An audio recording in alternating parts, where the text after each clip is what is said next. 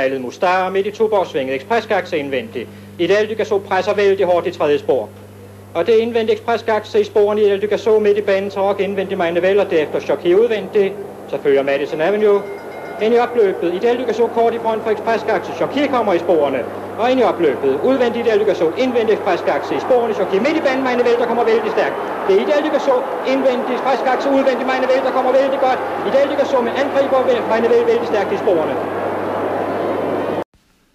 Karl Christian Junge er en institution i dansk travsport. Meget passende er hans forbogstav synonym med det løb, som blev hans store bedrift Copenhagen Cup, som i 80'erne, da han var sportschef på Lund, blev et løb i verdensklasse med de bedste amerikanske og franske heste til start.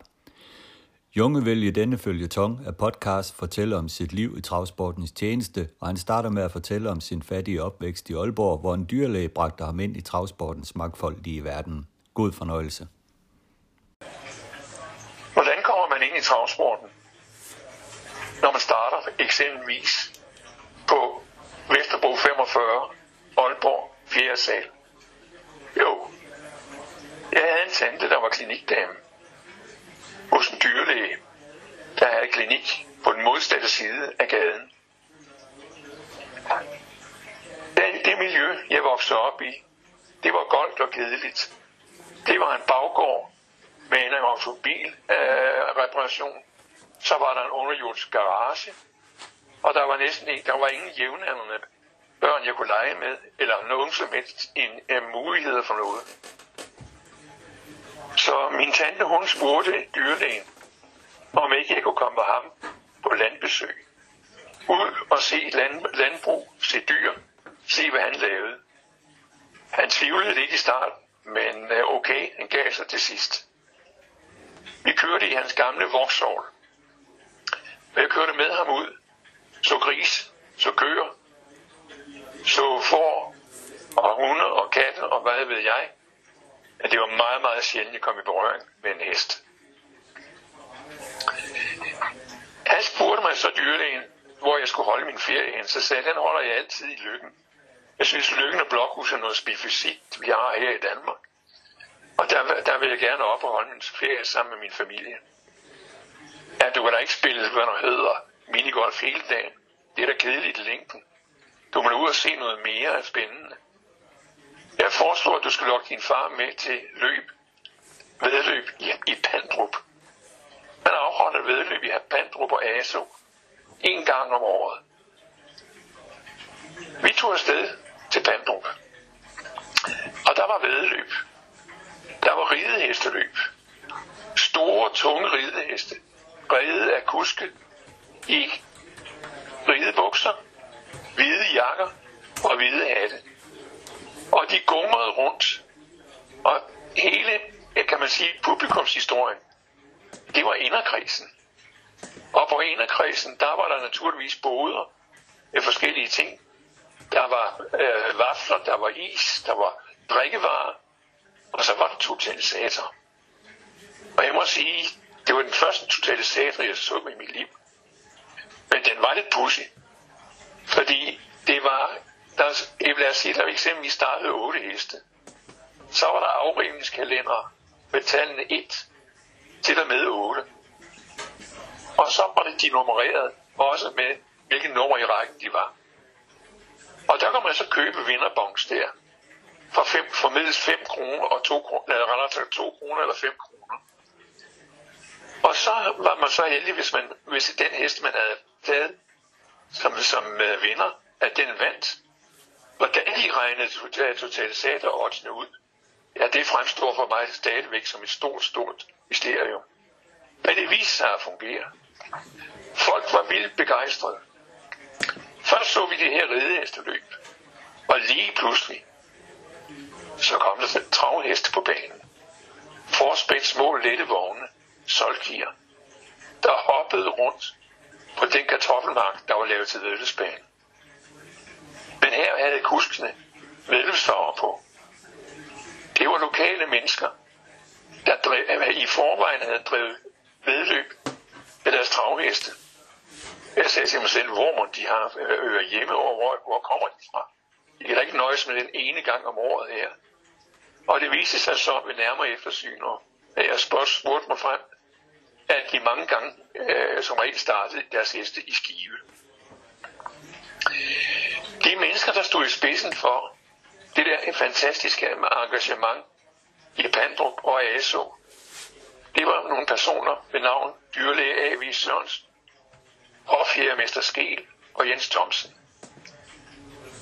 Og det var tre navne, jeg stødte på senere hen, da jeg fandt ud af, hvem der stod i spidsen for åbningen af den opvedelsbane, der skulle laves i Aalborg. Kommunen havde beredvilligt stillet et areal til, øh, for, til øh, brug for vedløbsbanen. Den lå desværre ude på et område, hvor der var meget, meget koldt og blæsende. Og på baggrunden af, af den grund, der lå øh, et, et stort øh, fabriksanlæg, jeg tror det hed Norden, der lavede med cement og så videre. Men det var koldt og blæsende. Her byggede man så stallet i røde, bygge i røde sten. Meget flotte bokse hele vejen rundt. Og man gik også i gang med at lave lidt publikumsfaciliteter. Her gik man sådan lidt lettere hen over det. Og øh, jeg spurgte som Myrup, hvornår Vældesbanen skulle åbne. Og så sagde han, at det skulle den da vist i august måned, så vidt han havde forstået. Og han havde faktisk købt sin egen vedløbshest. Den hed Slanko. Jeg tænkte, Slanko. Og den der lidt forsigtige dyrlæge og vedløbshest. Men okay, han var det, det meget dedikeret til det. Jeg var fyldt 10 år, og havde på min 10-års fødselsdag fået en ny cykel. Jeg får strenge påbud om ikke at køre ned i den trafikerede del af Aalborg by, så jeg må køre ud i yderkanten. Og hvad var bedre end at køre ud og se Aalborg Vældesbane den dag den åbnede. Det var et fantastisk uge. Der var mennesker overalt. Jeg kravlede op på cyklen og kiggede ind over hegn. Det var sådan en cementhegn, der var stillet op. Og kiggede over mod indgangen hvor der var sort af mennesker. Man havde på et tidspunkt opgivet og lavet, hvad man hedder, selve øh, denne indgang køre på en normale måde. Så nu stod man bare og smed penge ned i sække og lukkede folk ind. Tænk sig, man smed store, der stod køer af mennesker og smed penge i sække for at komme ind og se vedløb. Det var stort virkelig stort. Jeg sagde til mig selv, det her, det vil jeg meget gerne have, skal være en del af mit liv. Så jeg søgte job på banen på løbsdag. Jeg startede som stafet. Og stafet, det var den, der gik rundt og satte sædler i udhængskabe med hvilke ændringer der var til dagens program. Under løbende blev resultatlister slået op, ligesom man slog op med modfotos. Jeg hjalp også tv. Og her var det blandt andet, fordi Aalborg Vedelsbane var jo en kombineret trav- og galopbane. Så der skulle jo være rytter, der skulle vejes ind og have deres nummerdækninger. Jeg, og, og, og hjalp også til en gang imellem i banedommertårn. Der var det således, at i de dage der, der kunne hestene i løbende blive diskvalificeret for to ting. For lange galopper, og dernæst for det der mærkelige fænomen, uren trav. Når en hest blev diskvalificeret, henvendte banedommeren til mig, prikkede mig på skuldrene og sagde, hæng nummer 4 ud og efter jeg tog nummer 4 og hængte ud på, på udvendigt på tårnet. Så publikum og dommeren på i, i selve dommertårnet kunne se, at S nummer 4 var diskvalificeret. Jeg fik ikke nok af Aalborg Vedelsbag på de der vedelsdage, hvor jeg var der på den måde. Så jeg kom der også, og kom der på, hver, på hverdagen. Jeg besøger disse. Jeg vil gerne være en del af hele det, der sker der. så jeg griber en kost, fejrer staldgange.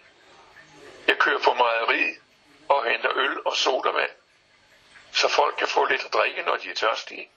Stallene. Trænerbestanden i, i uh, Aalborg var noget blandet. Det var folk, der havde været træner, eller aldrig har været træner, der, det var blandet af det.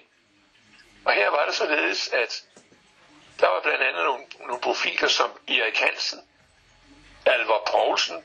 Alvar Poulsen kom fra København, hvor han havde arbejdet for, for øh, øh, Anton Jensen. Der var Preben Webner. Og så var det igen, vi havde jo også amatørdel. Og her var det mennesker som Jens Thomsen, Karl Ove Præstegård, Poul Nør, og så var der en, der hed Sababørge. Og hvorfor hed han Sababørge? Jo, han havde en lille fin hoppe, der hed Saba Katrinebjerg. Og den havde han opstillet over i, i nærheden af sin bolig. Han boede i Nørresundby. Og når Saba skulle starte på Aalborg Vedelsbane, så blev Saba spændt for Solking. Og så kørte Børge med seletøj og ting og sager og vedløstragt over Limfjordsbroen og ud til Aalborg Vedelsbane, ude på Skydebanevej. Det var, det var et syn for guder. Det var således, at man havde en, en idé om, at man skulle holde pause i sæsonen. Der var ikke noget med at køre hele året rundt. Der var ingen lysanlæg. Så det begav sig således, at det var en begrænset tid, man kunne køre. Jeg må sige faktisk, når jeg igen ser til det i dag, at det jo slet ikke så dårligt, at man havde en pause. Hvor man ligesom byggede en forventning op, en vis spænding for at se, hvilke nye heste, for eksempel, der var købt til banen. Og hvor mange løbsdage man havde tænkt sig. Og hvor mange trav og hvor mange galopløb man skulle have. Det var således, at man, man var virkelig drevet af det der med at se vedløbende. Og den eneste anden mulighed, når der var sæsonlukning i Aalborg, det var anden juledag for eksempel på Jysk Vedløbsbane, hvor de altid kørte. Og der var der en del af de der op fra Aalborg, der tog turen til banen dernede. De kørte med Folmer sidste transport anden juledag. Og jeg tækkede mig til at få lov til at sidde ind bag i den her hestetransport sammen med hesten på en siltørskasse. Koldt var det i hvert fald. Tænderne klaprede i munden. Forventningen var stor til at komme til Aarhus og se koryfærerne Vagn Lønborg Nielsen, Svend V. Pedersen, Eli Andersen og hvad nu ved alle sammen. På hestehejersiden i Aalborg, der havde man profiler Peter og Rikke Lind, der drev City fodtøj. Peter Rikke Lind havde haft og drevet studeri Røde Mølle i Revel. De havde også haft opdræt og opdrætter til starten hest i København, hvor det blandt andet var Mark Engdam, der trænede og kørte deres heste. Da Aalborg-banen åbnede og blev øh, kørte deres sæson, så kom de, de heste hjem fra København, og så skulle de starte på Aalborg-banen. Og det var et fantastisk syn. Det var nogle fantastiske heste, de havde. De havde blandt andet Orkanen Frisco, som var en af Danmarks bedste heste. De havde dens helebror, Puk Frisco, og endnu en helebror, Tax Frisco. Og de der startede tit og ofte i et og samme løb. Og se møllesfarverne, som man troede skulle være hvid med en rød mølle, det var det ikke. Det var sort og gul og hestesko, der prægede de der tre dragter. Og så kom der tre heste, så veludseende, så flotte, som jeg sjældent har set i mit liv. Og det var en enestående fornøjelse at se dem. Andre, der var med fra starten i Aalborg, det var farvehandler Fasius. Det var slagter som Laurits Sørensen og hans søn Erik og studerede Sofiendal. Det var bager, det var almindelige mennesker, der var inde i billedet. Jeg glemte at nævne en før, da jeg havde gang i Paul Nør og Sababørg, og det var bryggeren. Bryggeren fra Saltum. Han havde også tidligere øh, kørt heste i, Aarhus, øh, i Aarhus. Og jeg kunne vide, at han havde en hoppe, der hed Leonore de Gret.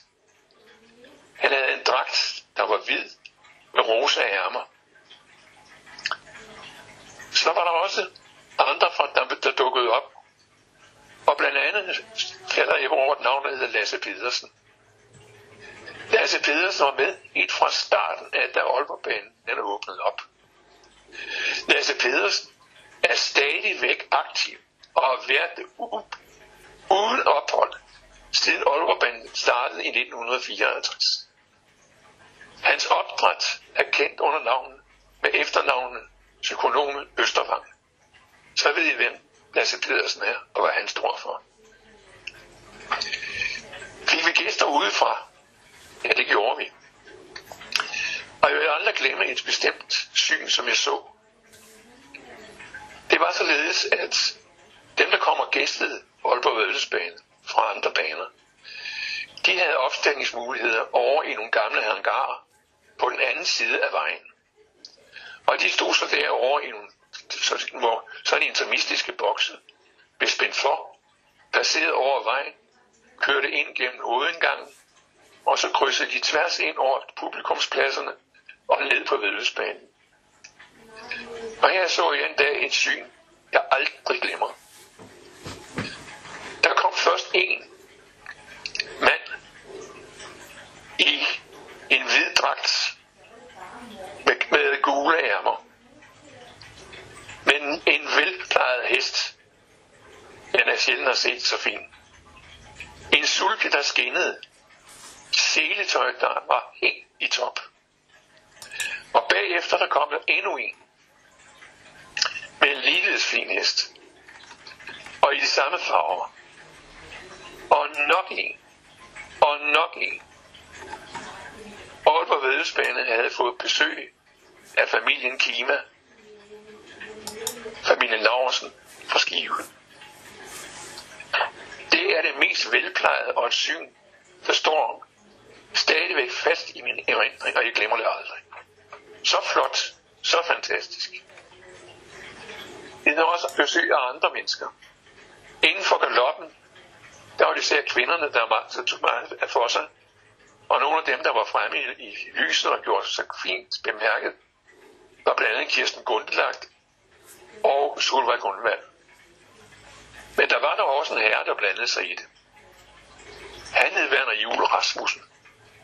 Manden forstod studeret i Mine. Og hvorfor jeg specielt lige husker ham, det er jo fordi, han havde en hest, galophest, med navn Votan. Og der var det specielle ved Votan, at den havde kun et øje. Werner Jul bekendt kendt for Vixi-hestene. Og han havde blandt andet, han var selv gal, øh, ivrig galoprytter. Senere hen holdt han derop, og så gik han sted for op til, over til opdræt, 100% for opdræt. Et, et år, der vandt hans travopdræt, Vixit Bird, travdarbyet. Han tog hele, hele øh, kan man sige, øh, øh, botten hjem, da han også havde opdrettet vinderen af års, samme års galopdarby. Hvordan fik jeg ligesom noget at vide om, hvad der skete ude i den store verden? At der var ikke meget, mange muligheder, der var. Så interessen var ligesom øh, centreret omkring Aalborg Vedløsbanen og hvad der foregik der. Der var derby-transmission i radioen med Gunnar Nuhansen. Og jeg erindrer det første derby, jeg lå med hovedet inde i radioen, hjemme i lejligheden, og hørte, at prinsesse Grete med øh, Fredrik Sølberg havde vundet derbyet. Jeg havde ligesom tidligere, gennem, ved at læse lidt aviser, fundet ud af, at den, der ligesom var favoritten, det var Percy Nichols. Det var Sofo Sørensen, som jo var et stort navn sammen med Jan Koster. Det havde jeg lært mig, og Mark Engdom. Man havde også noget, der hed international mesterskab. Det var således, at Edwin Kok, der var øh, journalist ved Ekstrabladet, han var en, en international travmand. Og han begyndte allerede tidligt i sine spalter i Ekstrabladet at skrive om, hvilke hest, der kunne være interessante og kunne starte i årets internationale mesterskab. Og det gav mig naturligvis en stor appetit på at komme over og se dette internationale mesterskab. Afsnit 2 af Junge et liv i travsportens tjeneste. Fanklubber er ikke almindelige i travsporten. Men den første, jeg støder på, er også ret ualmindelig. Det drejer sig om orkanen Frisco. Og det er en meget ung fanklub, som denne pragtfulde hængst har. Det er Rikke Lind, hestens ejer, der udlod gratis is til samtlige børn til stede på Aalborgbanen, når hesten vinder. Det er en højlydt skare, der følger løbet og hæpper på deres adgang til gratis is, kan jeg sige. Så de får mange is. I 1957 er hængsten Claus ejet af Richard Petersen farven. Kørte ejersøn John Petersen og træner Kurt Køben, den helt store Darby-favorit. Der bliver ikke bragt andre ind i billedet som, som mulighed for at skulle slå denne hest. Det drejer sig om Charles. Op og ned skriver aviserne. Men pludselig får de en helt ny vinkel på derbyet. Da Aalborg-hoppen Tugstep bliver meldt til start, og skal i derbyet køres af den unge amatør for Saltrum Jørgen Larsen. Ekvipagen tildeles ikke særlig store chancer, men parret spurgte ind til en flot andenplads. Sensationen er faktum. I mange år har banerne Solvalla i Stockholm, Bjerkebanen i Oslo og Lunden her i Kongens København på skift været vært for afvikling af Skandinavs mesterskab. Senere tilslutter Værmo sig så, og nu hedder det så Nordisk Mesterskab, eller hed, det eksisterer ikke længere. Spændingsmæssigt set er løbet ikke den helt store gevinst. Dertil er de svenske heste for overlegne, og løbet svinder i interesse. For os danskere er det en sand ørkenvandring, hvor vi føler os helt chanceløse. Men bedst som man føler, at løbet der indstilles, sker miraklet. Tusteps søn, Annie Darve 57, ved navn Ikaros, kørte Jørgen Larsen sejre. På tilskuerpladserne vil jublen ingen endetage, da Ikaros og Jørgen Larsen, ekvipage smykket med rødt sejrsdækken og laverbekrans, paraderer forbi på vejen tilbage til stallene. Begejstringen slutter ikke, da indgangen til stallene bliver nået. Her er der en sand her af staldfolk, amatørkuske, samt banens træner, forsamlet og for en dybt bevæget Jørgen Larsen giver de udtryk gennem takfast bifald for hvad de just har været vidne til. Vi kan også kigge lidt på de, de nordjyske opdrættere. De står generelt stærkt i billedet, når det drejer sig om sejre i klassiske løb. Når man tænker på banen, da den første åbnede der i 54, så ser man op igennem 50'erne, 60'erne og 70'erne, hvordan de kommer ind i billedet. Det bliver til sejre i klassiske løb. Seks opdrætter sejre i derby. Tre i kriterium. Fire i opdrætningsløb og tre i mesterskab for Danmark. Det taler sit eget tydelige sprog. Jeg har jo tidligere udtrykt, at mit højeste ønske, det var at komme til Charlottenlund og se internationale mesterskaber derby. Den eneste mulighed, jeg ser, består i, at jeg finder arbejde, således jeg kan spare op, så jeg selv kan stå for omkostningerne. Jeg får følgende arbejder. Mælkebud i et mejeri. En halv time fra min bolig. Møde til klokken 6 om morgenen.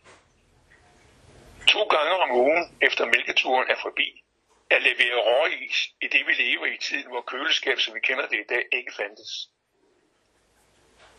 ud om eftermiddagen i et revisionsfirma. Afhente og aflevere regnskaber. Indkassere opkrævninger for klarmesternes glasforsikring og restauratørforeningen. Og som kronen på værket, stafetter med hjælp på Aalborg Vælvesforenings løbsdag. I 1959 går drømmen i opfyldelse, hvad angår internationale mesterskab. jeg har råd til at gøre rejsen til London. I det års udgave af den store stjerne franske Charmaine, ejet af den franske champagnedronning Madame Honoré Roder, som ankommer flere dage før løbets afholdelse og holder sit indtog på Hotel d'Angleterre, hvor hun ved flere selskaber præsenterer sit firma champagne. Charming bliver der også sørget for, i der, i der flere dage sendes friske artisk kokker med fly til Danmark. En grøntsag, som Charming elsker. Hyben omkring Charming daler dog da, det må se sig besejret af en norsk Jens Protektor med tryk ved diskrod i Sulkin på Sønderlund. I 1960 ser jeg så ind i mit første derby, der får en sikker vinder i denne Mark Engdahl trænede og kørte Bambino, der på dagen af sine hårdeste konkurrenter BT og Bogage overlegen. Nu har jeg nået det tidspunkt i livet, hvor jeg forlader skolen og går i lære inden for handel og kontor, i form af kolonialfirmaet Brødrene Justesen i Aalborg. Efter et kort ophold på lageret, hvor jeg har lært om firmaets varer, går en tur til firmaets salgskontor, hvor jeg sammen med to udlærte betjener firmaets kunder i by, såvel som opland. Jeg er ikke ked af min læreplads, men i december 1963 finder jeg annoncen, der skal ændre min livsbane helt og fuldstændigt. Annoncen lyder. Ung mand søges. På det danske travlskabssekretariat er en plads ledig for en ung mand, der er interesseret i en uddannelse inden for velvedsbranchen. Skriftlig henvendelse til sekretariatet, Skjoldhøj Allé 3, Charlottenlund. Jeg bliver naturligvis fyr og flamme, og sender straks min ansøgning afsted. Jeg får så på brev svar på min ansøgning, og inviteres til samtale på Lund. Jeg tager afsted, og har en god samtale med sekretariatets leder Åge Ulrik, der ansætter mig på stedet og får mig til at begynde jobbet på nytårsdagen, hvor jeg skal arbejde i dommertårnet som sekretær. Jeg har fået midlertidigt bopæl hos min søster i Brøndby Vester. Den store offentlighed får kendskab til min ansættelse, der i forbindelse med lodtrækning til årets derby, det er F-årgangen, vi taler om her, med Fox og Nord, Fjordjagtsword, jeg hvad de nu hedder alle sammen. Og der optræder jeg på et billede i, dag, i, i, i dagbladet Berlingske Tiden sammen med min chef Åge Ulrik og lykkens gud inde i form af kongens skuespillerinde Hanne Voxenus.